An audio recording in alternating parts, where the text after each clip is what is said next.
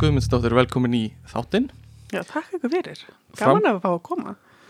Framkvæmdastjóri og, uh, já, þú segir managing director Skí og Utjumessan. Akkurat. Bara gaman að fá þig. Um, við ætlum kannski aðeins að tala um Utjumessuna í þessu þætti og, og hérna fá að vita hvernig hún fer fram í ár Mm. og hvernig hún hefur farið fram undanfæran ár. Og svo ætlum við kannski að fá að kynna stjara þess og, og hvað ský gerir. Og þú segir kannski það. frá því. Mm. Mhm. Eigum við að byrja á uttímersin í ár eða hvernig hún varð til? Skulum byrja því hvernig hún er í ár. Já. Þannig að fólk fái það á hrein. Já, auðvitað náttúrulega í ár er ekki neittni lík frekar en allt annað sem er í gangi hérna í þessi þjóðfélagi í dag. Þetta er gjörsamlega fordæma laus. Algjör að fordæma lausi tíma, ég þóla ekki þetta orð en allt í lagi. Bara Við um erum- tiss. Við erum sérstaklega á 2021.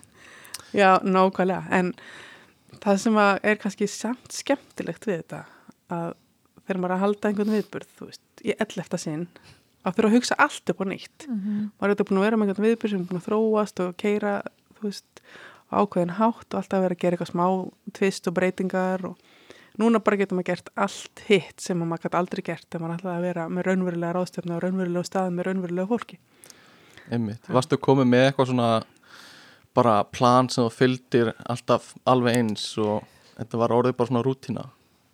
sko, í haustnum á mér, já fólk sem hefur svona kannski komið til að hjálpa mér það er vart að spyrja, þú veist, hvað er tjekklistin Já, hann er bara hér, í hausnum, já. hann er í haustnum og svo ætla ég alltaf að skrifa allt niður eftir út í messu en gleymiði náttúrulega alltaf og mann sko ekki helmingin En nú eru þau tvær.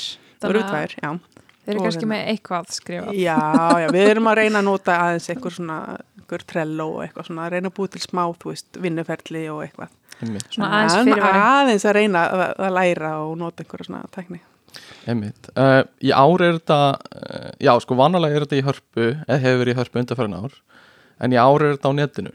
Já, við þurfum að hafa, ákveðum að hafa alla dagskrána bara á netinu og vera ekkert að reyna fókus á að mætti kannski koma einhverja 10-20 hræðir í salin, þannig að vera, þú veist, fólk er að kalla þetta svona blendings, hybrid viðbyrði, viðbyrði, en við ákveðum bara að vera ekkert að reyna það, sko, en og það einfaldar líka skipulagninguna, það er rosa erfitt að vera alltaf að skipulegja, maður er ekki búin að ákvað hvort maður ætlar að vera staðinum eða Já, ekki, þannig að bara, B já, þú veist, það var alveg ljóst strax í haustur við byrjum að undirbúa, við værum ekkert að fara að geta verið öll bara saman og, og setja hlið við hlið einhvers staðar í einhverju ráðstöfnusölum. Og þetta er ráðstefna, bara Já. svona í grunninn. Í grunninn er utímusan ráðstöfna og það er svona, kannski, hún fæðist svolítið þannig að við vildum hafa einhvern svona óháðan viðbröð fyrir allt tölvufólkið. Mhm. Þannig að, en auðvitað strax fórum við líka út í að okkur langaði að sína líka almenningi eitthvað og það er kannski búin að vera mesta áskorunin núna hvernig maður nær til almennings. Núna mögum ekki allir koma í hörpu með krakkana og fá dót og skoða vélmenni og, og prófa eitthvað skemmtilegt og svona þannig að við erum að reyna að hafa eitthvað líflega dasgrá á netinu í staðin og sem að verður það á lögadeginum og hérna, sem Lög- er eiginlega líka bæði fyrir krakkana og fóreldrarna. Hvaða lögu þetta er þetta? Þetta er lögadaginn 7. februar 7. februar. Þannig að Ok. okay. í ár er í rauninni eins uppbyggð eins og allar hinnar. Við erum einhverja auðtímissi viku þar sem við erum að reyna að koma með einhverja smá litla viðbyrði svona til þess að hita aðeins upp. Síðan er ráðstefna föstu degi sem er lokur ráðstefna fyrir tekni og tölvufólk. Og Hægt að kaupa með á bara á uttímersa.is eða ekki. Jú, jú, það er hægt að kaupa sín á ráðstefninu bara eins og áður inn á auðtímissan.is. Og svo hefur við verið með þennan ókipis tæknidag fyrir fjölskyldina og við erum svona að reyna að hafa hann eins skemmtilega hann að hægt er. Mm Það auðvitað verður alltaf áskorun að vera á netinu og horfa með krökkunum og gera eitthvað en það verður allavega ímislegt hægt að gera. -hmm. Svo er bara komið ljós hvað fólk er til í að gera. Og það er bara Facebook viðburður sem er hægt að finna sérst fyrir laugadaginn. Já, það er í rauninni allt sem að er í gangi á það fer allt í gegnum Já. en við erum líka með þetta á Facebook og hér og þar og hérna.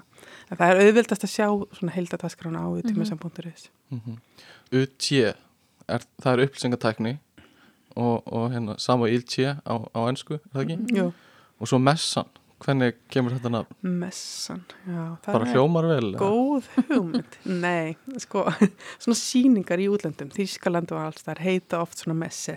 Mm. og þannig kemur þetta og hérna, það var enginn byrjaðar með þetta á Íslandi það var reyndar þarna sunnudagsmessan hann að fótboltin Einmitt. Gumi Ben og einhverjir hann Mm -hmm. og ég verði alveg að játa, ég var ekkert mann ekki að horfa fótbolt þáttinn þá var ég að spá í hvort þetta væri ekki bara allt í lagi ef þeir með að hafa sunnundagsmessu þá löndi ég með að hafa einhverja tölvumessu Mhm. þannig að við hendum okkur mjög fljótlega í það og þá var svona ást- áttu við að vera hugbúnaðarmessa tæknimessa, upplýsingatæknimessa. Og við ákveðum að nota þetta bara upplýsingatækni sem er svolítið yfir heiti yfir hérna tölvugeiran Mhm. sem er náttúrulega rönnin svolítið mikið saman við tækni, þú veist, mér spæði tölnumfræði verkfræði þetta er að nálgast með mjög rætt Mhm. Já, þannig að en auðtímaðsan bara stendur fyrir sínu og það er vörumarki sem við eigum, þetta skráða vörumarki það hefur gerst nokkuð ofta að einhverju aðrir hafa alltaf að halda eitthvað einhvern viðbur sem heitir eitthvað messan og þá kemur ég alltaf hérna ógæslega leiðilega og segja því mér er þetta skráða vörumarki og Mhm. hérna í þessum og þessum flokki þannig að það er ekki hægt að hérna leifa því að þetta einmitt, Eh. prestar landsins ljóta að svitna þetta? Já, einmitt Ég hef alveg látið það vera Já, sko. já. Eh, já veist, ég hef alveg gert það en hérna Jólamessan, ég, alltaf þegar ég heyri eitthvað svona þú veist, þá er ég alltaf svona, "Bíddu, er þetta lefilt? Já, þetta má, já, já, Já. já Mhm. og hérna, þannig að það er svona þú veist, það er ekkit svona skemmtilegt að þurfa að vernda svona vörumerki sitt, en maður hefur þurft að vera ansi oft og rétt upp hendina og hérna, fólk hefur alltaf tekið því vel Já. það. Uh, þú varst að tala um þetta eh, tækni og, og tölfur eru svolítið að blanda saman það er rosa fjölbreytt dagskrá á utjumessunni, hefur verið undarfærin ár veit ég uh, hvernig er þetta í ár? Hvað, hvað erum við með í ár? Hver eru við með fyrirlestra? Við erum með, sko, venjulega höfum við verið með tíu þemalínur. Þá erum við með, þú veist, alla sali í hörpu, þemalínu fyrir hátegi og önnur eftir hátegi og hérna, þannig að við ákvæðum núna að fólk myndi kannski ekki alveg geta setið á netinu og hoppa á milli, þú veist, einhverja fimm línu, fimm útsýningar í einu. Þannig að við ákvæðum að hafa tvær, Mm -hmm. en gefa ekkert eftir í gæðunum og við náum að hafa alveg 25 fyrirlesara sem er bara nokkuð gott Mhm. og hérna, stittum fyrirlestrana líka þegar maður veit alveg að maður er svona aðeins renn, dettur oft út ef maður hlusta ólengi og horfa á skjáin einn heima hjá sér. Akkurat. Þannig að ég held að við hefum bara náðu nokkuð skemmtilegum. Við erum, sko, í stæðan fyrir hafingar þemalínur, þá reyndum við að hafa þetta líka svolítið fjölbreytt, þannig að það væri alltaf einhver fyrirlestur sem að hendaði þér en þú væri það líka að læra eitthvað nýtt. Þú veist, þó, þóttu sést kannski einhver kerfistjóri, þá getur þú líka hlustað á einhvern mann segja frá hvernig að hanna notenda viðmót eða eitthvað slíkt. Það er alltaf áhugavert það er alltaf tilgangur með svona viðbyrðum að mm -hmm. læra eitthvað nýtt, aðeins að opna sjóndildar ringin svolítið. Við fengum líka svona þessa hugmynd að nýta alltaf þessa íslendinga sem eru fluttir heim eða eru heima út af COVID eða íslendingar sem eru að gera eitthvað mjög flotta hluti og búa erlendis og svo þessa útlensku Íslandi, íslensk Íslandsvini sem að hafa mikið tengslu við Ísland en er að gera eitthvað flott. Þannig að við erum með þess að tvo kínót sem eru David Wallenstein hjá Tencent. Tencent Já, Já, og hvað er það? Veist, veistu það? nei, ég veit ekki það. Nei, ég... það er sko, það, Tencent er eh, svona í grunninn að ég held myndi segja tölvu leikjafyrirtæki. Það er kínvist fyrirtæki Já. og eitt af þessum, ég held að sé eitthvað í fimm staðistu hérna, listanum yfir kínvist tölvu fyrirtæki. Vá, og hann er svona yfir tækni stjóri og sér um Evrópu og sér um að kaupa alla nýja, kaupa fullt af nýja fyrirtækjum og annað í Evrópu og Ameríku. Ok. Og þessi maður er sem sagt, hann er ofta á Íslandi og var alveg til í, hann leti lítið fyrir sér fara, hann var til í að koma og er í viðtali við hann hérna Einar sem er með kastlasi þannig að þeir eru svolítið svona í spjalli þannig er þeirra fyrirlestur. Og hann er bara ótrúlega framsýn ég held að það var eitthvað rosa framsýnt að við ætlum kannski að fá okkur ramaspíl eða eitthvað.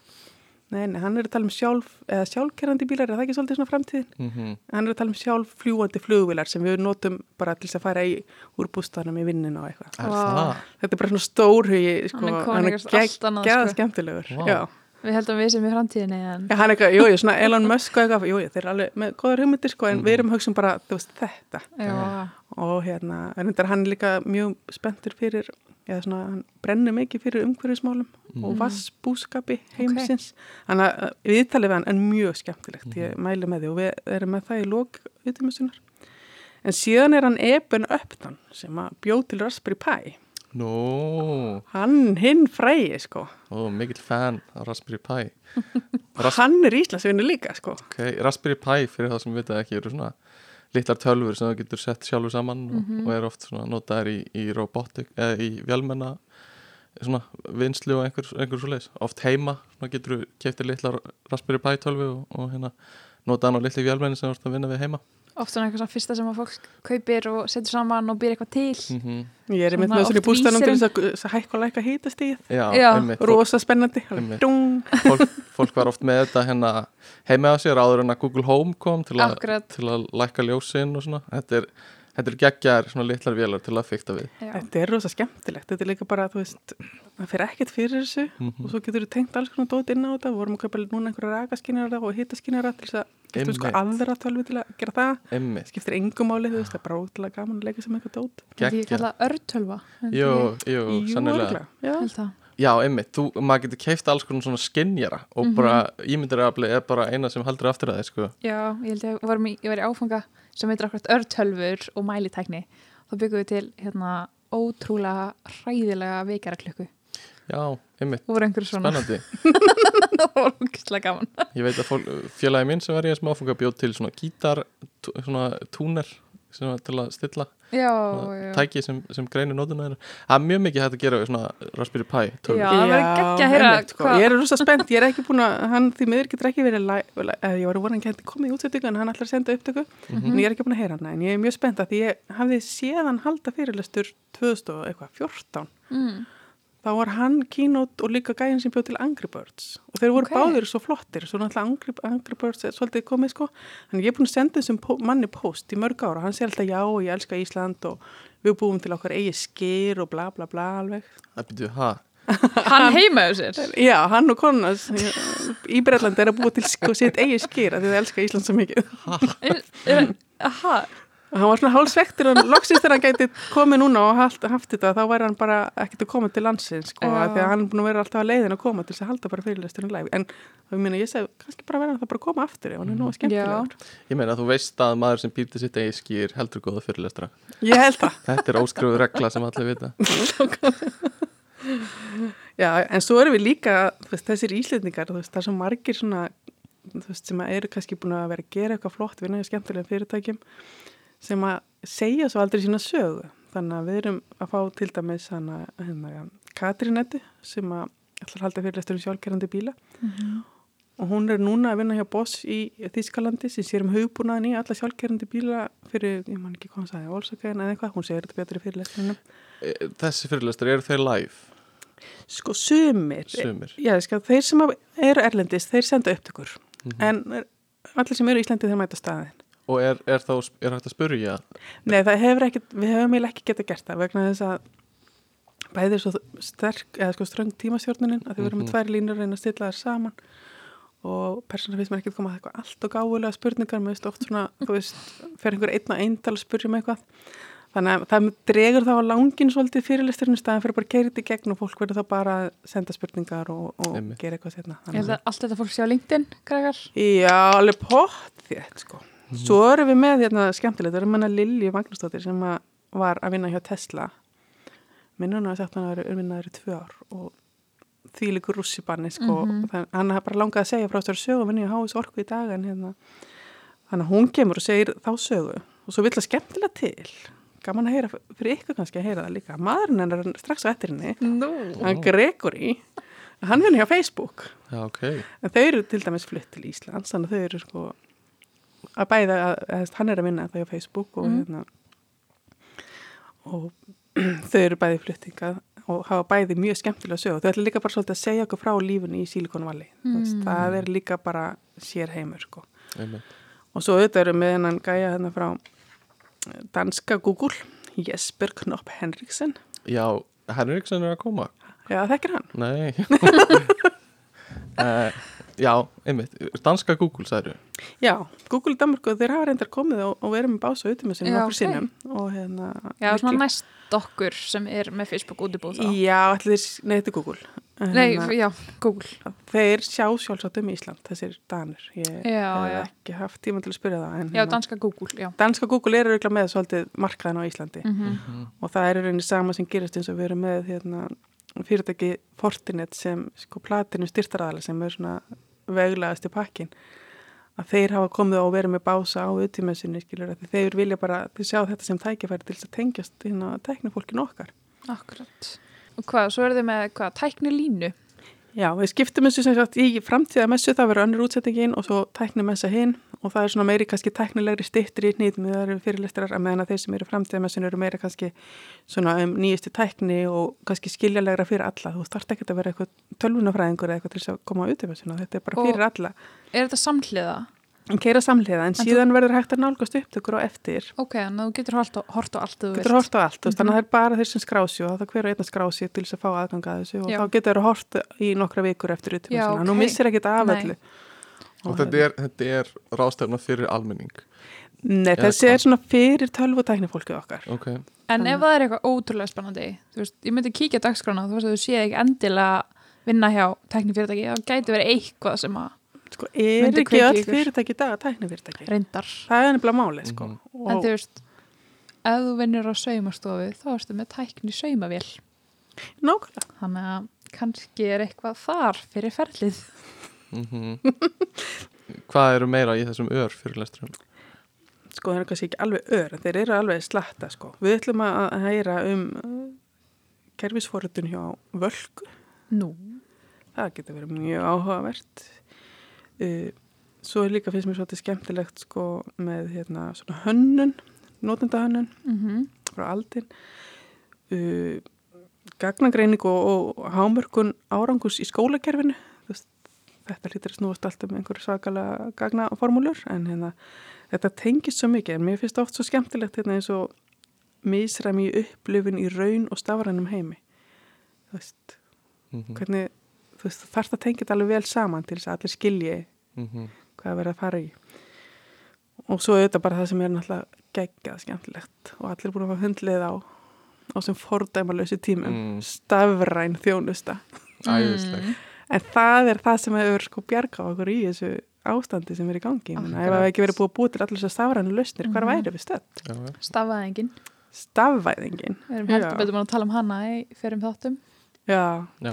svo kemur bara hérna, þú veist ótrúlega flott stelpa frá CCP, hún ætla bara að tala um þú veist, hvernig hann að samskipti framtíðarinnar, þú veist, þannig er aftur verið að horfa í framtíðina og hugsa aðeins út fyrir bóksið, ég mæli Mhm. sérstaklega með að hún er mjög skemmtilega fyrirlesari þessi stelpa. Gamíþra Morga. Já, Fyrirlesturinn hennar er á íslensku.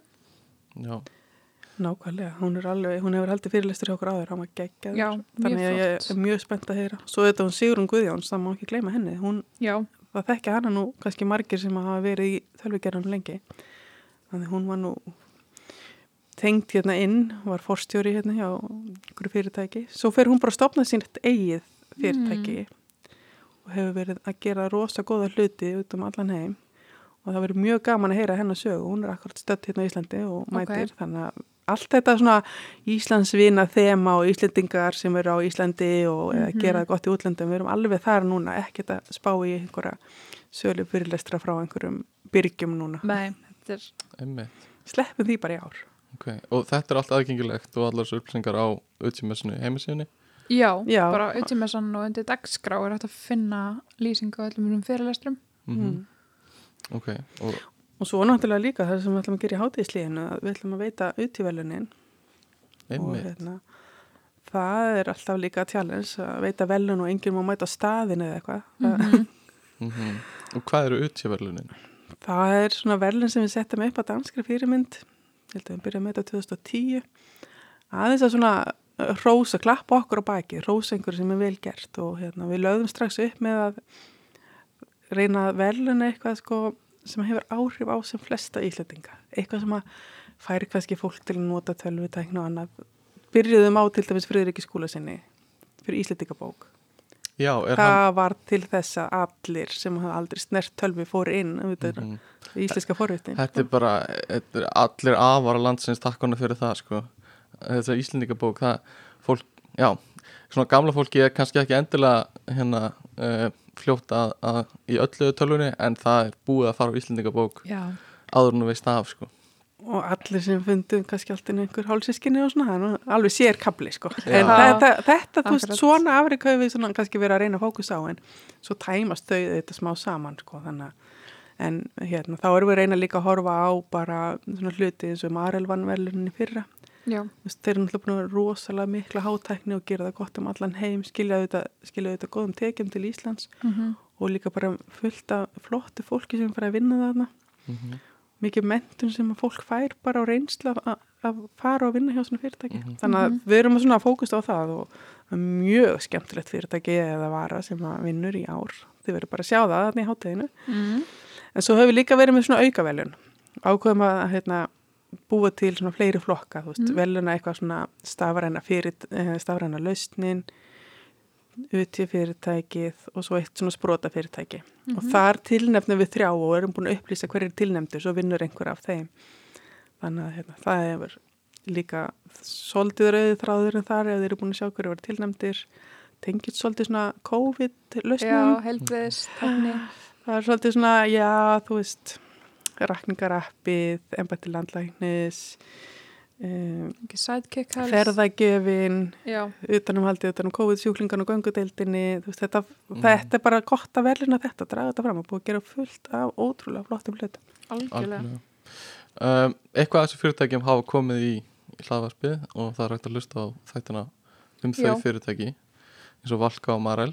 Um, Já, en eh, hvernig hefur þetta verið undafarin ár og hvar svona byrjaði utjumessan Sko, utíminn sem byrjaði, fyrst byrjuðum við náttúrulega með utívelunin, sko, svo fór, vildum við gera eitthvað meira nýtt, en við byrjuðum í rauninni á þarna um 2010 að hugsa aðeins hvort það var ekki gaman að hafa einhverja svona óháðar ástefni, þú veist, Söl, eh, sölur ástefninu voru í gangi hjá þessum tölvu fyrirtækjum en það er allt öðru vís að fara einhver staðar sem er bara að segja frá þeirra lausnum og þeirra vörum þannig að við fórum svona svolítið stórhuga á stað og það var búið að vera svona fordæmi að var hérna ráðstefna í gamla dag sem hitt Agora. Mm. þið voru bara lítilega eitthvað. En allir sem að voru veist, þá í stjórnskífi við myndum alveg eftir þessu og ég hafði sjálf verið að var í MBA-nám á þessum tíma og taka svona nýsköpunarkursa. Þannig að við hendum okkur svolítið í nýsköpunarverkefnið utímessuna og fengum svona auðvitað að komandi með okkur fengum strax Háskólu Íslands og Háskólu Reykjavík með og þeir hafa verið samstafstæðilar frá upphafi og það hefur verið okkur mjög mikil svirði og, og hérna svo hefur þetta bara sprungið út í höndunum. Fyrstu tvö árin, kannski þekki þetta hefur verið með eitthvað svona nýsköpunar hugmynd þú ert alveg að ganganda eftir öllum fyrstu tvö árin, þú veist veltið með og þetta verið æðislegt og kondu og við gerum svona. Svo bara breyttist þetta, svo bara byrja símur að ringja í hinn áttina, þannig að hérna, þetta Og- springur bara út sko, við leiða að fólk veit hvað það er bóði sko. Og hvar byrjaði, hefur þetta alltaf verið í hörpu eða Nei, sem fyrsta árið þá vorum við, það var ekki búið að smíða hörpu sko. Við erum búin að vera hörpu frá þeim byrjaði, eða frá þeim byrjaði, en fyrsta árið þá vorum við með þetta, sko, föstu daginn uh, var á Hilton, bara ráðstöfna, engi skýningabásar. já, Svo var verið að opna HR út í Nautalsvík, þannig að við vorum með sýninguna þar á lögadegi. Og það var rosa stress vegna þess að þetta var í mars og þegar við vöknum á lögadagsmálgunum þá var ófært í Reykjavík. Nei. Mátti enginn fara út og við bara búin að setja upp alla sýningabása og allt, sem fyrir var síðan bara mókað og það var allt í leið og bara fínt af fólk fullt af fólki sem kom og bara Já. mjög gaman. Uh, og svo næsta ára eftir þá hérna ákvaðum við að hafa sýninguna og ráðstjórnuna saman. Og þá vorum við að Grand Hoteli með þetta. Og aftur þá reyndum við að vera þetta bara með þetta sama daginn. Um, það var okkur rigning myrkur og fólk var ekki til að koma eftir vinnu með börnin. Þannig að við hoppuðum bara strax eftir það í ráðstöfnu föstudegi, síning og lögadegi, síningabásar báða dagana. Og þannig er þetta búið að vera síðan við byrjuðum í hörpu og vorum Já. þar bara frá því að opnaði.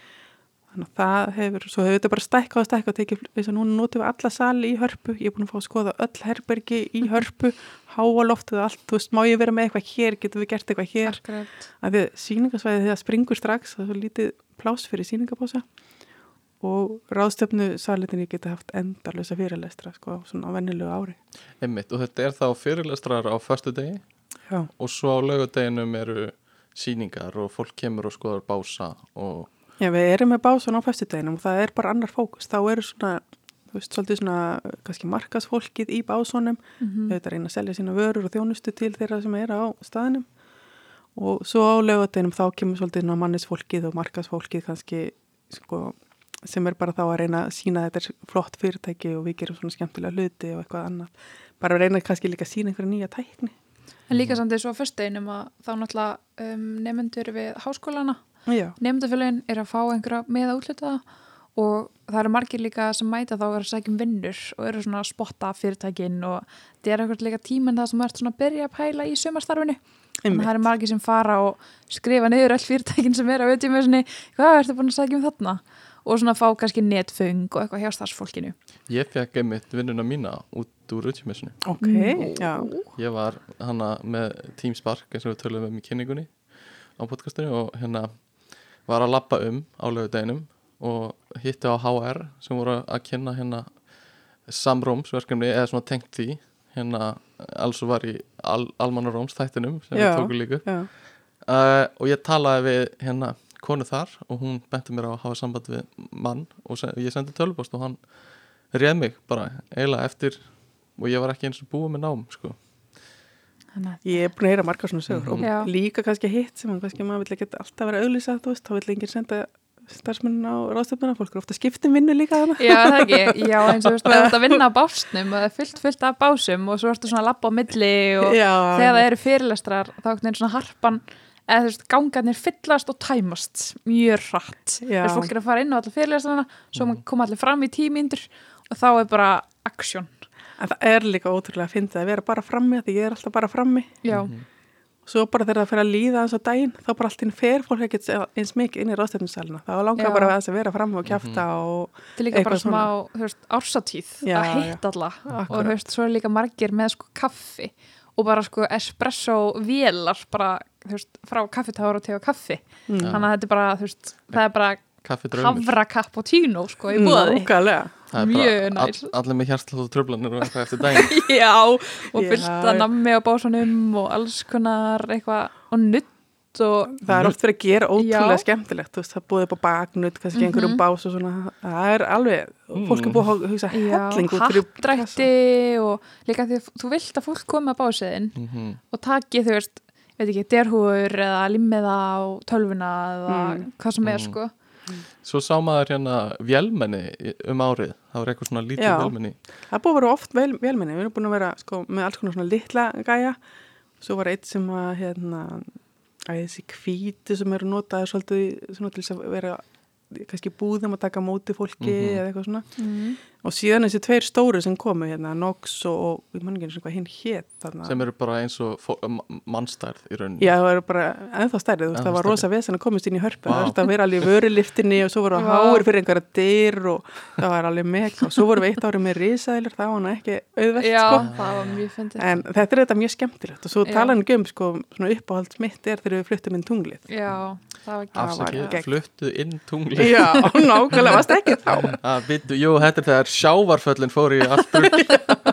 Við vorum alveg bara, þú veist, tunglið mætir og yttimisuna mætir þú. Það var rosa Mm. auðvilt að auðlýsa, sko. Já, það er ekki ekki um, Kristína, hvernig, þú veist, hefur þú einhverja tengingu við utjumessuna sérstaklega? Takk fyrir að spyrja Stefán Heyrðu, já ég hérna, hef mætt nokkur sinnum á Utsimessuna og hérna, ég mætti held ég í fyrsta sinn bara í gegnum nefndafélag og svo mætti ég og við heldum sérst uppskýri hátíð Rýbutak það ég skýfa sér sagt samstagsæðali og Utsimessan þegar við heldum nefndadrifið hackathon sem var svona gegnum HÍ líka. En svo mætti ég líka sem hvað kallið það, fundarstjóri á línu. Já, já. Ráðstöfnu, já, já, fundur stjórnlínu. af því að eins og komst inn árnir og það var alveg tíu línur í gangi, sérst tíu sölum í einu. Og það er alltaf fundastjóri hjá, í hverju línu og náttúrulega mjög hérna, nákvæm og skýr fundastjórnun og tímastjórnun. Þannig að það var ógísla gaman. Ég fekk svona spjöld hvað var það, gull Þetta er sko dómarspjöld sem kaupum í dó- já. hérna Jóa útherja. Það er gula og rauða, bara þess að dómarinn eru með. þannig að ég, þú veist kynni, kynni mig, kynni næsta fyrirlesa og svo stend ég og, svona, og veifa þeim eftir ákveðin tíma. Mm, það var mjög gaman. Ok, það var mjög mikið stuð Það er geggja skemmtilegt. það er mjög gaman. Svo vorum við líka með bás tvisvar, Reboot Hack var með bás í tvö ár og Mhm. það var líka mjög gaman að standa bæði á rástandeginum og síðan á hérna laugadeginum þegar alls konar fólk var að koma og svona að kynna. Og maður þarf að detta svolítið í smá svona ham. Ég get alveg ímynda með hvernig fólk ger eftir. Auðvitað svona þegar þú ert að vinna á bás þetta er alveg mjög svona krefjandi og svona þú veist það er með fullt af orku fyrir fólkið sko að taka alltaf, já, heyrðu, þekkir þú veist, þessu var að kynna út í svona, já, þekkir þú út í mér? Svona, ég segja þér frá? Þannig að það er svona ótrúlega gaman að nákvæmlega. fyrir þetta sölu fólk, sko, að koma inn í þetta. Já, ég man eftir hérna uh, að vísindasmiðan var líka já, einmitt. Mhm. krakkana. Það var mjög skemmtilegt og ég sá að krakkarnir voru að hafa uh, skemmta sér konunglega. Já, svo líka, eitthvað, hvað var ekki tækniskólin eða einhver hérna mentaskólin sem var með þríti brentara jú, tekniskólinn hefur komið svo leiðis Mhm. Og við erum að reyna að gera svona- við erum að reyna að gera eitthvað smá svona á lögadaginn vegna þess að það verður alveg dasgrá á vegum Háskóla Íslands til dæmis, þeir verða með til dæmis einhverju tilraunir úr vísindasmiðinni Mhm. fara að ganga bak við tjöldin og sína hvað er að gerast hjá hérna, þessu vísindafólki sem er bara að vinna í háskólanum HR verður með til er, er dæmis, það í ár?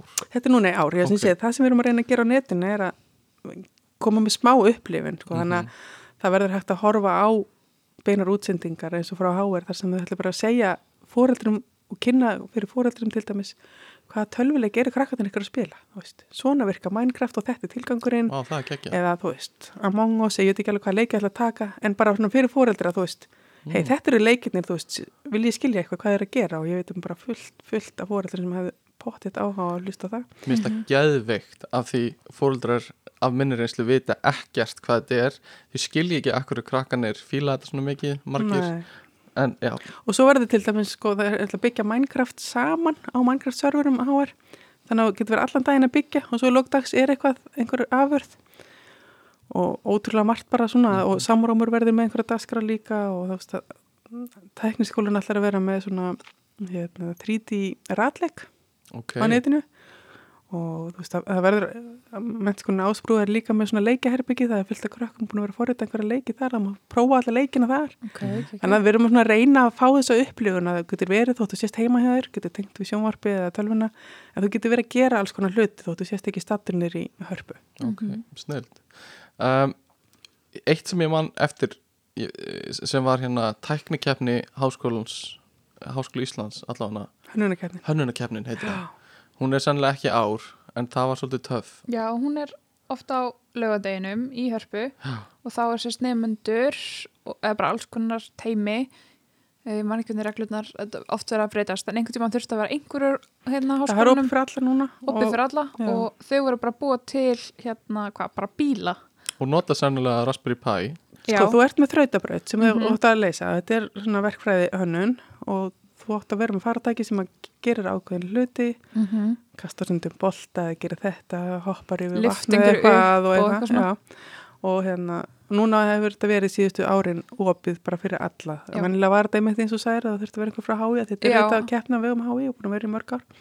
En því miður þá var það að gerast að keppnin nær ekki að vera á lögadaginn eins og hún átt að vera. Hún, hún átt að vera lögadaginn og hérna það gekk illa að fá brautin að smíða það út af COVID, það var allt lokað og það er ekki nóg mörg lið búin að skrá sig til þess að hafa þetta núna. hún verður vonandi einhvern tíman setna í vetur Mhm. en þeir verða allan sterkir inn bara næsta ári já, all, Já. þetta er mjög það skemmtilegt er að horfa á mjög þetta. skemmtilegt að horfa á þetta þetta er alveg, þetta er svona lítur út fyrir að vera rosa einfalt og þetta er bara eitthvað svona lift einhverju upp og færi eitthvað en þetta er rosa erfitt að forrita bílana til að gera þetta Já, og þetta er ótrúlega skemmtilegt að bara svona heill salur að fylgjast með bílunum keira Mhm. brautina svo með að fara aftur og þetta er ótrúlega skemmtilegt sko. og svo þetta er út af að virka ekki og þetta er bara mjög skemmtilegt Já. og svo er þetta sínt alltaf í sjónvarpinu þú veist á Akkurat. haustin Já. þetta er bara mjög, mjög skemmtilegt en þetta verður það bara vera næst Já, Aftur- getur bara að byrja af ykkur Já, nákvæmlega sko. Hefur þú farið á mikið af netra, eh, hefur þú farið á netraðstöfnu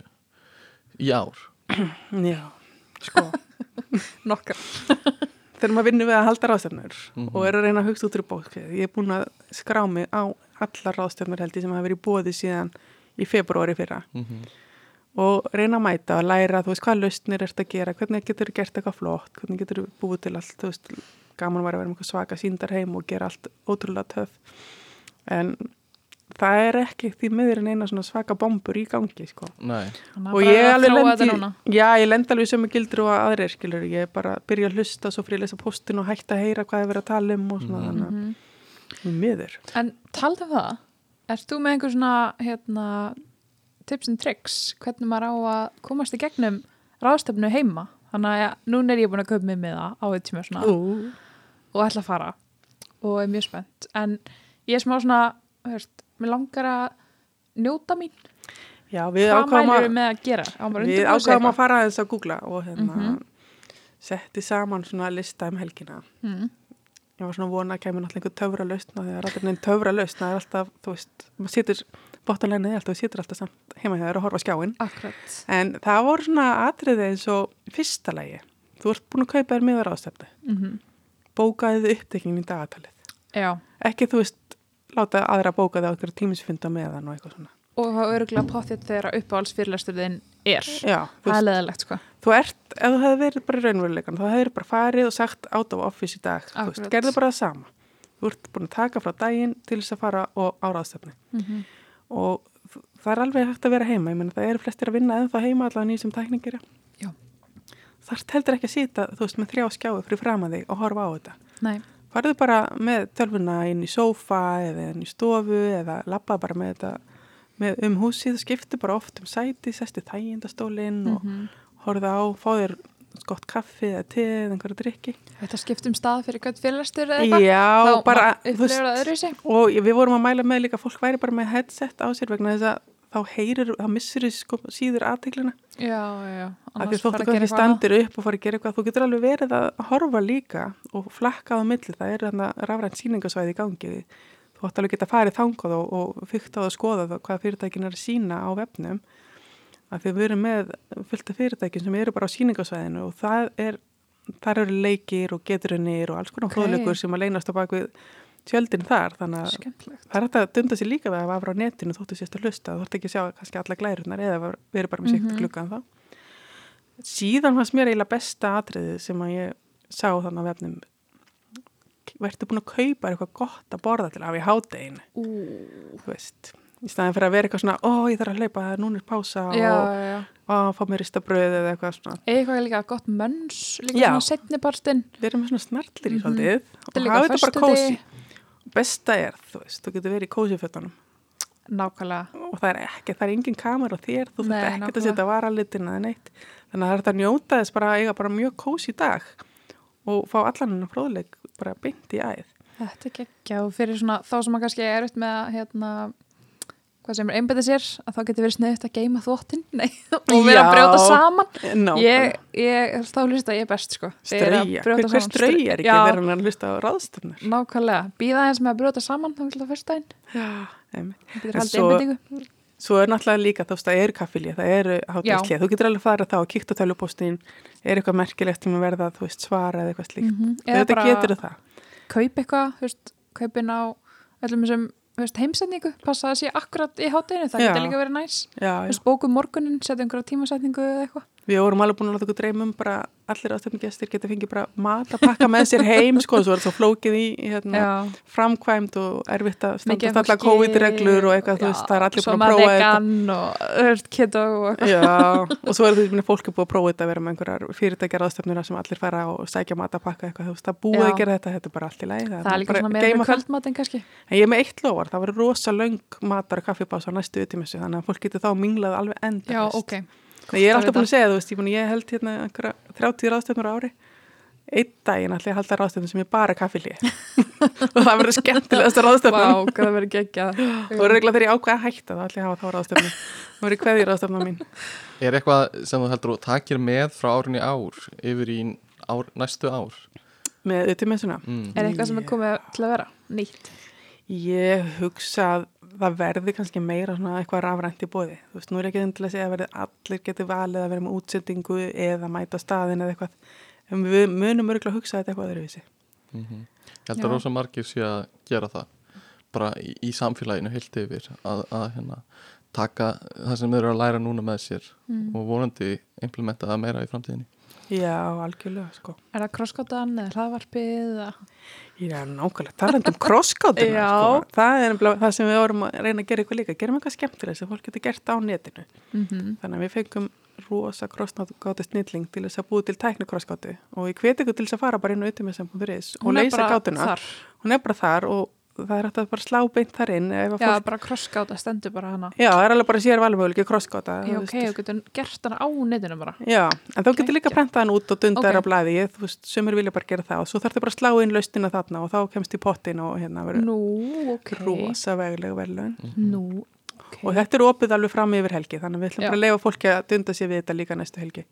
Ok, og hérna það verður mjög gaman að sjá hvað margir ná að leysa hana því að það opnast ekki glugginn fyrir til þess að senda inn sko nafni sitt í pottin fyrir nú að gera allt rétt mm. ah. þannig að það á einhver eftir að klóra sér í hausnum yfir nokkrum Mhm. orðum held ég Ég, eh, einmitt, dundi mér oft við eitthvað svona þegar ég er að, að hlusta á, á fyrirlestur í skólanum Það er auðvitað hægt að gera það líka bara þegar það eru fyrirlestrar í gangi Já, kannski koma orðin í fyrirlestrinum Já, það er aldrei, já ég hef þetta fattað það ekki að láta nota þessu orð all það sko.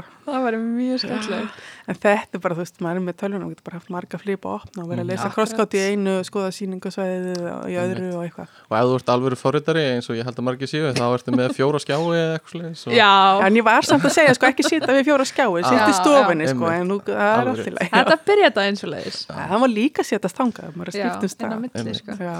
Hérna, hver er svona þinn bakgrunnur og hérna, hvar lærði þú og, og hérna hvernig dettur þú inn í það að halda stofna ráðstöfnur og vera með hérna ut í velunin já, góð spurning Hvenær byrjaði þetta allt? Þetta var síðustöld. ég sem sagt fer eftir mentaskóla og læri kerfisfræði sem að sem, veit að- ekki hvað það er. Já, og þú ert ekki kerfistjóri ef þú læri kerfisfræði Nei, Hvað læra kerfistjórar? Hvað gera kerfistjórar? kerfisfræðingar. Já, en hitt sem allir halda það sé Já, kerfistjórar sjá sem sagt um stýrikerfi og Mm. rekstur og, og setja upp svona Þetta er tölvukallin í vinnunni pólisíur. Já, þetta er tölvukallin vinnunni sem er snúrumæðurinn og sem Mm. að sér um stýrikerfið og diskana og allt saman. En kerfisfræðingar Kerfisfræðingar. Þeir kunna heldur ekki bara á íslenska kerfið. Það er sem sagt orð hefur verið notað fyrir þetta er sama og hefur verið kent í HR í mörg ár líka og hérna, þetta er hjá þeim er þetta diplóma mm. svo getur bætt við einu ári og þá ertu komið tölunafræði. Þetta er bara sama sem þú lærir mínu. Tölvunarfræði Tölunafræði mínu starffræði. Það er bara svona einfalda myndin og það er þannig sem að þetta langar mig bara að fara til Danmark og búa í útlöndum þannig ég fer í þetta þar og mjög fyndið það hétt sem sagt, ég útskrifast sem EDB assistant Nei, og þú veist, fer svo að vinna skilstaknifélun að því EDB er elektróniks databehandling að því tölfur héti það Já. einu sinni í Danmarku eins og tölfur héti einu sinni skýsluvélar á Íslandi Já. Þannig að hérna, en þetta heitir nú eitthvað annað núna eitthvað svona sys, admin, bla, eitthvað, ég veit það ekki. Mm. En hérna, já þannig ég fer í það og kem svo heim bara 86 og fyrir að vinna á tölvu til dansbytalans sem fórittari Mm. og er þar sem fórittari í fjölda ára. ok Fer svo til skýr og vinn þar sem fórittari. Skýr Skýr. Fyrst var ég nefnilega hjá skýr, svo fór ég að vinna hjá ský að því ég var ekki lengur skýr. Mm. Svo eh, þegar ég var hjá skýra þá var ég sem sagt fyrst sem forritari og svo verkefnastjóri og svo Mm. eins og gengur og gerist þá vinna maður sig upp þannig ég var yfir maður hérna í hugbúnaðdeildinni. Ok, Hvað er skýr með tveimur erum? Skýr er staðistu hlutin af því sem er Advanja í dag. Aha, aha veist, Advanja eh, kaupir skýr af fyrirtækjum og smá saman eh, sem sagt verður þetta þessi stórveldið hana sem þeir eru dag. Mhm. Já, og breytir nafnin í Advanja þannig að það er svona yfirheiti yfir fullt af hérna en stór hluti í grunninn var skýr. Já. og hérna ok, þú ferð frá skýr? Nei, já, fyrst fyrir tölvið til landsbytalan, svo fyrir ég til skýrur, það er í 14 ár, því ég er aldrei, að, ég er ekki svona alltaf að skipta um vinnu, Nei, þú veist, svo er ég núna hjá ský, að ég hef hætt, ákvað að hætta þess að í tölvigerana. ok. Þannig að ég fór í MBA-nám, mhm. Akkur vildur að hætta æ, bara, þú veist, ég þóla ekki svona eitthvað, ég veist, við reikningum útsildri vinnu og eitthvað, mm. sérstaklega einhverju vinnu sem aðrir eru að vinna. Allavega svoleiðis tekníkaranum Já, Já, en hérna, já, mér langaði bara að prófa eitthvað nýtt, þú veist, ég var Mhm. búin að vera forritar í mörg ár og búin að vera verkefnistýra og innlega rosalega stór kerfi í mörg ár og hérna, var bara gaman að breyta til og ákvaða að hoppa í MBA-nám, tók mér Mhm. ás frí og fór bara í námið, fór svo að vinna með náminu hérna hjá Skí og ætlaði þess að vera það bara setna árum mitt í MBA-náminu að vinna bara svona í róli heitanum hér, þetta var sem sagt 2009 sem ég byrjaði hér Mhm. 2009 var krepp á Íslandi, enginn mátti fara til útlandar ástefnir og við ætlum bara að vera svona low profile. einmitt Þá gerist bara eitthvað. Þá bara vilja allir fara að mæta á ráðstefnir hjá skýr. Ský. Nú erum við búin að ruggla mig. Ekki satt skýr Allir að mæta já. ráðstafnir hjá náttúrulega En þá breytum við í þetta form að vera með þessa hátegisfundi, svo stutta Mhm. hátegisfundi og fólk mátti fara á það. Þannig að við förum að keira rosalega mikið á það og erum núna bara með 25-30 hátegisfundi á ári. Þannig ég er búin að halda örgulega hátt í 500 viðbyrði, Vá, mjög skemmtilegt. Þannig að það endar eiginlega þannig að þetta var 2009 og svo útskriðast ég bara á mínu MBA-námi. Tengist tölvigeranum hérna inn aftur sem ég ætlaði að hætti í Mhm. og hér er ég, hvað er þetta 11 ánum setna eða eitthvað einmitt uh, og aldrei verið betri aldrei verið betri, ferskari hérna, alltaf að finna eitthvað nýtt, Já. maður er alltaf að hugsa eitthvað út fyrir kassa Já. sko. algjörlega en ský er líka að vinna í alls konar öðrum kannski að verkefnum. klára að taka Já, hérna nokkra spurningar fyrst og kíka svo í skí Ég er mjög spenntur að fara í hinn verkefni um, Hérna, við ætlum að taka bara þú segir bara hvort þú kýst frekar. Já, hraðaspurning hraða spurningar, yes. fáum aðeins að kynast þér Já. og hérna uh, svo kannski tökum við fyrst þú ert fórhundari og tökum við smá fórhundunar tvist á það í lokin. Yep. um, hlaðvarp eða tónlist? Tónlist, Android eða Apple? Andrætt útlit eða nótagildi já, digital eða analog? Digital DFD eða Waff.s mm, sko ég er alltaf á örgla fleiri sko, Vaff og S sjálf en svo er náttúrulega DFT, já, ok, kaupa á netinu eða kaupa í personu persóna verða að koma við hlutina, sorry. Keira, já það er gott núna.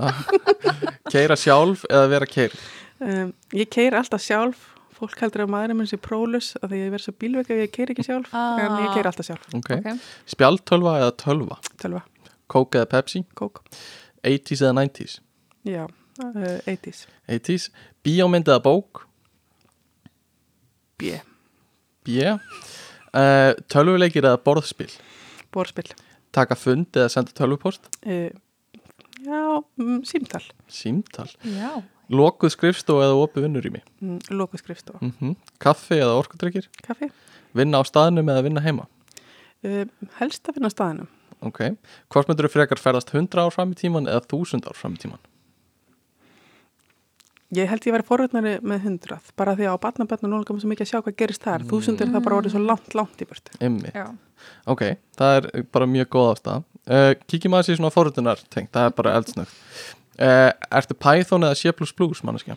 Mm, kann bara C++ þannig ég veit það ekki. Ok, PC, Mac eða Linux? PC, Tabs eða Spaces? Um, tap Waffes Code eða Notepad++ mm, ég nota frekar notepad. Mm. kommenta jafn nóðum eða redda í seinna? Sjálfsög, jafn nóðum, Já, já, já. annars verður það aldrei. Uh, Stack Overflow eða Stack Overflow? Uh, stakka og uh, Frammendi eða bakendi mm, framöndi Glæsilegt. Uh, Þú ég er gast mjög sátt með símtal. Já, Já. Er svo sammála. Mm. Við erum akkurat búin að svona út af búin að taka góð símtöl mm, Æ, það er hægt að vera endalust með tölupóst og svo segir bara, æ, nenni ekki, þú veist, ég ringi breyðið mm Akkurat. Algjörlega. Svo ertu, viltu ekki gera upp á milli útlit og notagildi? Nei, ég heldur hendur ég myndi taka útlitið, sorry. Einmitt. Já, en þú valdi samt á Android Já, Sko, mér finnst alveg það er bara spyrir hvort þú vilt alveg tækið eitthvað, Já, þú veist, eitthvað svona fyrir dæmis sko, mér finnst illa vegið af, af mínum mönnum í Android heiminum þar sem það getur verið mjög fallið tæki í Android heiminum. Hmm. mm. um, Og svo ertu hérna bíómyndið að bók, þá gast ekki heldur valið?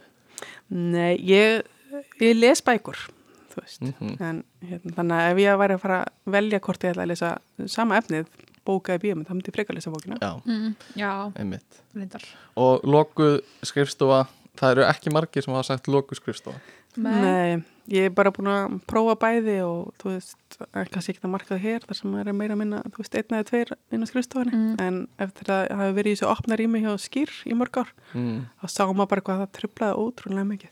Hvernig var þetta hjá Skýr? Voruð þið með svona aðskiljara eins og er í oft svona, Já, og möppur líka. já. svona eins og er í hérna Office Space eru- Já, myndinni ummitt, við varum svo leis. Alveg hrikalegt, svona cubicles Já, Úff, og svo hengdi maður alls svona drasla á og þú veist, einmitt. Þetta var nákvæmlega það. mm Vá, Ég vona að það sé svona búið að salta það aðeins í dag. Samt Ég- sko, opin vinnurum í dag er bara eitt skrifborð sem einhvern veginn fjórir deila.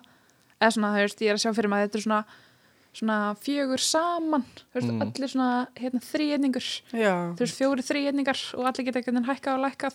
Ég og svo vil allir neitt. færa sig þannig að sjáu enginn um skjáu sinn eða þú veist, það vill enginn vera þú veist, í ganglínunni mm. já, um Þetta er svolítið þetta setup sem við erum að reyna að hafa hér sko. já, þú veist, skjá, skjárinni snúa ykkur og ykkar skjári snúa baki í hvern Já. um eins og hlustendur sjá þá er Sko, eins og er hann til hægri já, Já. nákvæmlega uh, já þetta er ég, sko, já, ég hef ekki drosa sterkar skoðunar á þessu og vinnur í Nei, ég plani hef aldrei átt lokað skrift jú, jú, ég hef prófað bæði mm en mér finnst næst eins og þetta er eins og hér þá eru þau tvær með eina skrifstofu. Já, það, kemur, það er alveg fínt skilur það er kannski aðalega ef það er mikið áreiti mikið umgangur og eitthvað svona líkt. Og svo er þetta líka svolítið berski pyrrandi og þú þarft að vera eins og fólk er að lendi í núna mætir í vinnuna, búið að vera heima hjá sér í hálfta ár mm. og heldur samt áfram að vera tímisfundum. Mm. getur ekki verið Já. tímisfundum í Nei. opnu rí, rými? Það ég er að gera það í vinnunni, ég seti símaveri Já, en er að taka tímsfundi Einmitt. Af því það er alveg margir, þú veist, þessi fundir, þú veist, ég sé að ég er að funda með einhver sem er mættir í vinnuna, hann er alltaf, að býta þess, ég þarf aðeins að færa mig að því að ég get ekki verið á þessum tímsfundum, þannig mm þá eftir að hugsa þetta aðeins eitthvað, þegar fólk fyrir að mæta aftur í vinnuna. Einmitt. það er alveg að vera fleiri svona eins og það að kaupa svona litla svona kassa sem þú getur farið inn í. Já, það, það er hérna það sem ég vinn, það er mjög næs. Farið- kassar. Litli kassar. Gamli svona símaklefar. já, svona en mjög það næs. þarf að vera þannig að því að þú veist, að- annars ertu svolítið að tröfla alltaf hérna Mhm. í kringum þig og mér finnst ekkert gaman að setja með headphone á hausnum og hlusta á bylgin allan daginn bara, Nei. ég vil það helst ekki. ég þarf eiginlega alltaf að vera með soundcancelling heyrnatól og setja mjög háa tónlist annars er ég bara tröfluð eða þú veist, ég tröflast á velli kringum mig Einmitt. þetta er uh, eilíðar uh, ströggul en skýsluteknifélag Íslands ský, hvað gera þið? Skí er sem sagt stopnað 1968 Mm af þeim sem að tók á móti fyrstu tölvunum sem kom til Íslands, þar komið 64 Hjút svo langaði þeim rosa mikið að hittast og tala um þessi frábæri tæki sem að voru að koma til landsins, þannig að þá búið til hennar félagskap, fyrstu tölvurnar sem kom til landsins 60 eitthvað. 64 Var það háskólinn sem var með þær? Já, þess að það koma hérna til það er háskóla þjálfan og Rámasveitir Reykjavíkur. Og þetta er bara starfi herbyggi eða hvað? Já, þetta er bara, þetta er sko þetta er bara á vörubíl, hérna, Mm. við erum múin að skrifa heila bók um þetta. Mm og þetta er bara ótrúlega stór tæki. Mhm. með engu minni eða neinu. Nei, og hérna, ég mér svolítið gaman að erum með sko mynd á bókinni. Uh, það er svona smá stórtölva. Svo er lítill iPhone fyrir framann og hann er með sko meira minni og meiri getu heldur Já. en þessi risa tölva sem er þetta og eru þetta gataspjöld sem eru verið já, að fara já, já, já, allt saman bara. við sem sagt, þetta eru félagsamtök óháð félagsamtök sem eru í rauninni bara með það markmið að leifa þeim sem að vinna við eða hafa áhuga tölvutekni að ná svolítið saman og við höfum aðalega verið í þessari fræðslu að halda hátíðisviðbörði eða einhverja aðra fræðslu viðbörði og svo erum við með einhverja tíu faghópa þannig að fólk getur svolítið verið í svona minni einingum. Með einnum vefstjórnun, einnum fjarskiptamál, einnum öryggismál og það, þeir hópar ha- hafa í gegnum árinu oft verið með svona minni lokaða viðbyrði og svo koma þeir að því að halda líka kannski. Þannig að hérna, Og er þetta viðbyrðir fyrir fyrirtæki eða er þetta bara fyrir ykkur? þá er þetta bara opið öllum Mhm. og við höfum haft það þannig allan frá að ég kom þá ákvað ég bara hafa þetta allt opið meðan bara allir mæta, kostar bara aðeins meira, ert ekki félaginu. Þannig að við viljum bara reyna að leifa sér flestum að njóta þegar við erum að gera eitthvað. Mm Og það er þetta, við auðlýsum á postlista hjá okkur, það er fullt af fólki sem er ekkert í félagin en mætir á og vil færa þess kannski um eitthvað sem er í gangi. Þannig að, Og skráir þið bara í félagið eða er þetta bara fyrir einhverja ákveðna? Nei, með allir verið félaginu sem vilja Mhm. og þetta er niður á personu þannig að veist, það er ekki þannig að bara eitt fyrirtæki getur keift bara aðgang fyrir alla starfsmenn og senda svo bara hvað sem er. Mm Það þarf alveg að ákvaða hvaða starfsmenn eru í skí. Og það er svolítið það því við viljum svolítið að fólk síma þessa nálgun og þessa nánd við félagið. Veist, það vil starfa í faghópi um öryggismál eða gera eitthvað að leggja eitthvað til félagsins. Komið náttúrulega stjórn sem er náttúrulega skemmtilegasta. Er einhver hér í stjórn? Hmm. Ský, mm, kannski. kannski Kristína Björk og þú, er þú þá ekki líka í Jú, ég er sem sagt, sko, þú- stjórnin eru minn yfirmaður, sko. já, það- Þannig ég er eiginlega bara, þú veist, þótt að mér finnst rosa gaman að vera hana, svolítið að ráða öllu, þá er alltaf einhver stjórn svona vofandi yfir mér, sko. já og við erum sjö Það er sjö í stjórninni, já. uh, uh, Já, bara til að koma aðeins inn á það það sem við varst að tala um áðan með að tölfur voru kallar skýslu vélar Já, og þess vegna heitir þetta skýslutæknifélag Íslands Já, en þetta er ekki eitthvað félag sem framleiði bara skýslur nei, ekkert svo mikið sko. Nei. Við gerum smá. gerum bara hérna eitthvað árskýsluna ég Já. er eina skýsla sem ég hef gert síðustu 11 árin hérna en það er gerð ein Já, allavega ein. Þessi eina er alveg árskýslan sko, Mhm. hún er alveg, mér er þess að stjórnum gera hann, ég ger hann ekki eins og sko. en þetta er tengt á meira bara tölvum og tækni og haldið viðbyrði Já, þetta hefur svolítið verið þannig alltaf. Og við reynum að bara fókusa á það. Við erum með líka, þú veist, sömurhópanir eru blandaðir eins og við erum með hérna fókus að faga bara um upplýsingatekni helbriðsgeranum þar erum við líka með lækna og já. en kannski þá aðeila sem eru svolítið að tengjast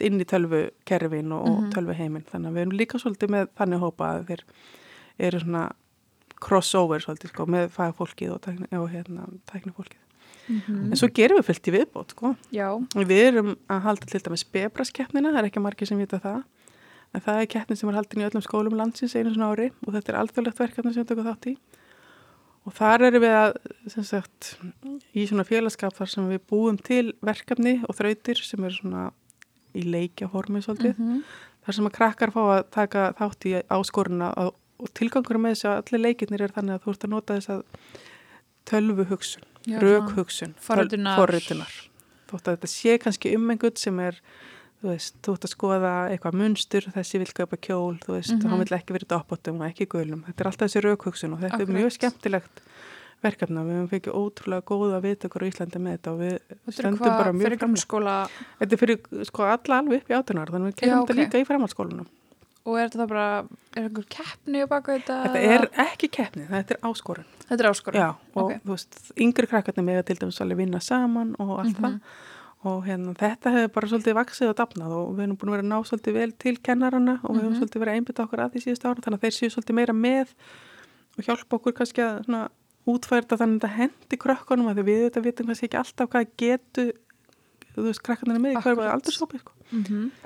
Og svo er náttúrulega um utivelunni og svo erum Mhm. við líka með uppáhaldsverkefni mitt og því allir sem að lesa postunum frá skí sjá að ég er ekki góð í íslensku en ég sem sagt erum með tölvaorðasafnið Mm. og hérna ég hef þann heiður að hafa núna aðgangaði að uppfæra og setja ný orð í íðorðasafn átnastafnunar Mm. okay. tölvuorð og hérna þar voru við með í uh, 35 ár mjög öflugan hóp fólks sem að gaf út fimm bækur með tölvuorðum Vá. og þetta er ekkit smá mikil vinna og þetta má ekkit vannmita við viljum gera eins og aðri við viljum hafa orðið tölva Mhm. ekki eins og dagnirnir kallir þetta núna kompjúterinn Mhm. Mm. skiljið Já. þeir svo margir sem að fara bara út í þetta þannig að við, þetta er mjög öflug starf en við hefum verið smá í vesinni eftir að þau hættu þau voru bara allkomin aldur sem hefði gert allt hitt og unnið því líka vinnu Já.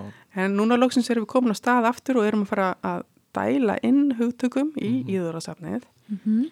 og hérna, spennandi allt sem hefur gerst síðan sko, hinn er hættu 2013 já, Já, ok, ok. bara, já maður getur ímyndið sér að það sé alveg slatti af, af einhverjum þeknu Já, regla bara, þú veist, við munum aldrei ná utanum öll þessi hugtök Nei. en við erum bara allan að reyna að vinna upp svolítið og svo verður þetta kannski aðeins sett upp eitthvað auðveldara Mhm. vinnuferli fyrir hérna fólk að koma með tillegur við höldum úti Facebook-hóknum Íslands tölvuorð Já, ok. og ég er svolítið svona að reyna að ná í hérna, svo ég sletti þessu gamla sletta í sko tölvuorðasafs Mm. hérna pælingunum Mhm. vistamóðu krát, ég er svolítið Já, vil bara Já. varpa út og fá sem flestar hugmyndir einmitt. Og svo fáum við aðstóð hjá íslensku fræðingum að hérna, velja síðan hvað pe- fellur ve- best að málinu. Já. Einmitt. Við vorum með góðan kennara í, í tölvunafræðinni í HÍ. Er hann ekki, í ég held að sé í hóp. Ég ætla rétt að vona það. Snorri Agnarsson sem, Nei, hann er ekki, Er hann í ekki? hann Ekki? hefur unni fyrir félagið í mörg ok. sko, en hann er ekki í þessum hópi. en hann kendi allt á íslensku og Já. öll orð sem aðri kennari hefðu kent í eins og gagnasansfræði og forröndunarmálum bara hefðu verið bara að tala á ensku þá var hann bara með fasta erðin gagna rakningar vensl. Já, Þetta er ótrúlega fyndið. Og svo ég fór einhvern tíman hérna í vísindaferð hjá fyrirtæki og þau voru öll sérst lærið í HR mm, og vissu að við varum að koma úr HÍ, vorum sérst ATA varum að koma. Og þær þýttu öll orðin yfir á íslensku Mhm. fyrir okkur. Við skildum ekki fyrirlesturinn Það að það var allt á íslensku Ótrúlega fyndið sko, voru að tala um bara rosalega hátækni Mhm. og við bara fylgdum þeim enga veginn Já, ég er mjög ánægð með hvernig Snorri gerir þetta sko Svona eftir á að hegja Já, ég held að maður, maður kann kannski ekki, maður fattar ekki kannski hvað þetta er mikil svirði, sko. En, maður gæti ekki googla dæmin nei, nákvæmlega. Það er kannski gallinn En hérna Og við erum akkurat, við erum akkurat núna líka að leita bara að öllum þessum Excel-skjölum sem eru Mhm. til út um allt, Já. af því við ætlum ekki að fara að setjast niður og finna allt upp frá grunni. Þannig að allir sem eiga einhvern svona Excel-pakka mhm, með þýðingum sem er búið að sapna saman í mörg ár, þá Ok. erum við að reyna að leita þetta uppi inn í þess að tölvu orða nefnd núna. mhm. Þetta er líka mjög dýrmætt eins og vinkona mín var að skrifa hérna reitgerði lögfræði, ég held að hann með þess að leita til ykkar á endanum, Mm. að þú þarfst að setja all orðin á íslensku sérstaklega í svona reitgerðum Já. og hún var að tala, hérna, fjalla um tölvu öryggi þegar það kemur að lögfræði og þá þarf hún alltaf að þýða allir þessi orð yfir á íslensku sem er ekkert endla til Nei, og nota líka hugdökk sem að kannski tölvu heimurinn skilur. Akkurat, Sko. og tala við saman erum- tungumáli sko. Já, við fáum alveg fullt af svona fyrirspurnum, ég get bara því miður ekki svarað, Nei. maður bara brota af þeim, en hérna, þetta bara skiptir máli að hafa þetta í lagi. Nýjasta verkefnið sem Ski tók þátt í núna Diversity Diversity, við skulum ekki gleyma því. ekki gleyma Nei. því Skulum ekki gleyma því að við erum búin að vera í Európuverkefni í nokkuð mörg ár. Ég hef verið fulltrúi skí í því Mhm. verkefni og við erum svona að reyna að íta undir fjölbreytileikan. mm Þú Veist, þetta, þetta bara alheims sjónamið að tölvu fólk verða að vera einhver staðaltýpa og sé bara fyrir stráka helst einhverja leikjanörda sem er svo algjörlega ekki staðreindin en Mhm. það tekst er ótrúlega illa að hérna, brjóta það upp. mhm. Þannig að við erum svona að reyna að keira í gang verkefni sem við kallum Divers IT og það var fyndið upp af okkur, þetta Mhm, enska heiti, vá, ok, skemmtilegt. geggjað. Já. Mm. En hérna, og við gerum líka logoið, en bara svona koma því að, Mm. um, reyna að gera eitthvað að því við erum kannski ekkert alltaf að standa okkur í sko, fjölbreytileikanum, en það verður þannig að það verður sem sagt skímun í framtíðinni, geta fengið fyrirtæki til þess að hérna, fara í gegnum ákveði ferli og þá fá þau svona hálfgerða vottun eða sem sagt, þau skrifa undir sáttmála, það er það sem við erum að reyna að gera, að þau reyni að einbytta sér að því að hafa sem mesta fjölbreytileika í störfum, þú veist, það er ekki að tala um að kannski bara konur, heldur bara líka fjölbreytta hópa akkurat í stjórnum og, og Mhm. yfirmannstöðum og eitthvað slíkt. Bakgrunnur og Já, um mitt. þjóðverðni og, og alls konar Við hefum svolítið, það var alveg, þegar ég byrjaði hérna hjá skí, þá var til hópurinn ut í konur. Um, það var alls hvort ég reyndi að halda einhverja viðburði, það kom aldrei neitt. Það Nei. þeim langaði ekki að hittast bara þegar það voru konur, það vildi bara Mhm. frekar hittast sem vefstjórar og það máttu bara strákarnir vera líka. En svo hefur þetta breyst, það er náttúrulega orðið miklu meiri svona hvenna hópar núna, bara sem þrýsti hópar og þetta er svona hluti að því að við byrjum með utímessuna að reyna að sína fjölbreytileikan í tölvugerðanum. Þess vegna erum við líka með þessa síningu á lögadeginu að reyna að sína bara almenningi sem hefur verið að mæta. Veist, það er alls konar fólk að vinna í tölvufyrirtækjanum og þessu vinnan er líka mjög fjölbreytt. Snýst ekki bara um að vera eitthvað forrið alltaf út í hotni. mm Það er ótrúlega mikið sem þarf að hanna og skilja og skipulegja. og tala á milli og, Verkefni stýra svona og strákarnir geta það reyndar alveg líka sko.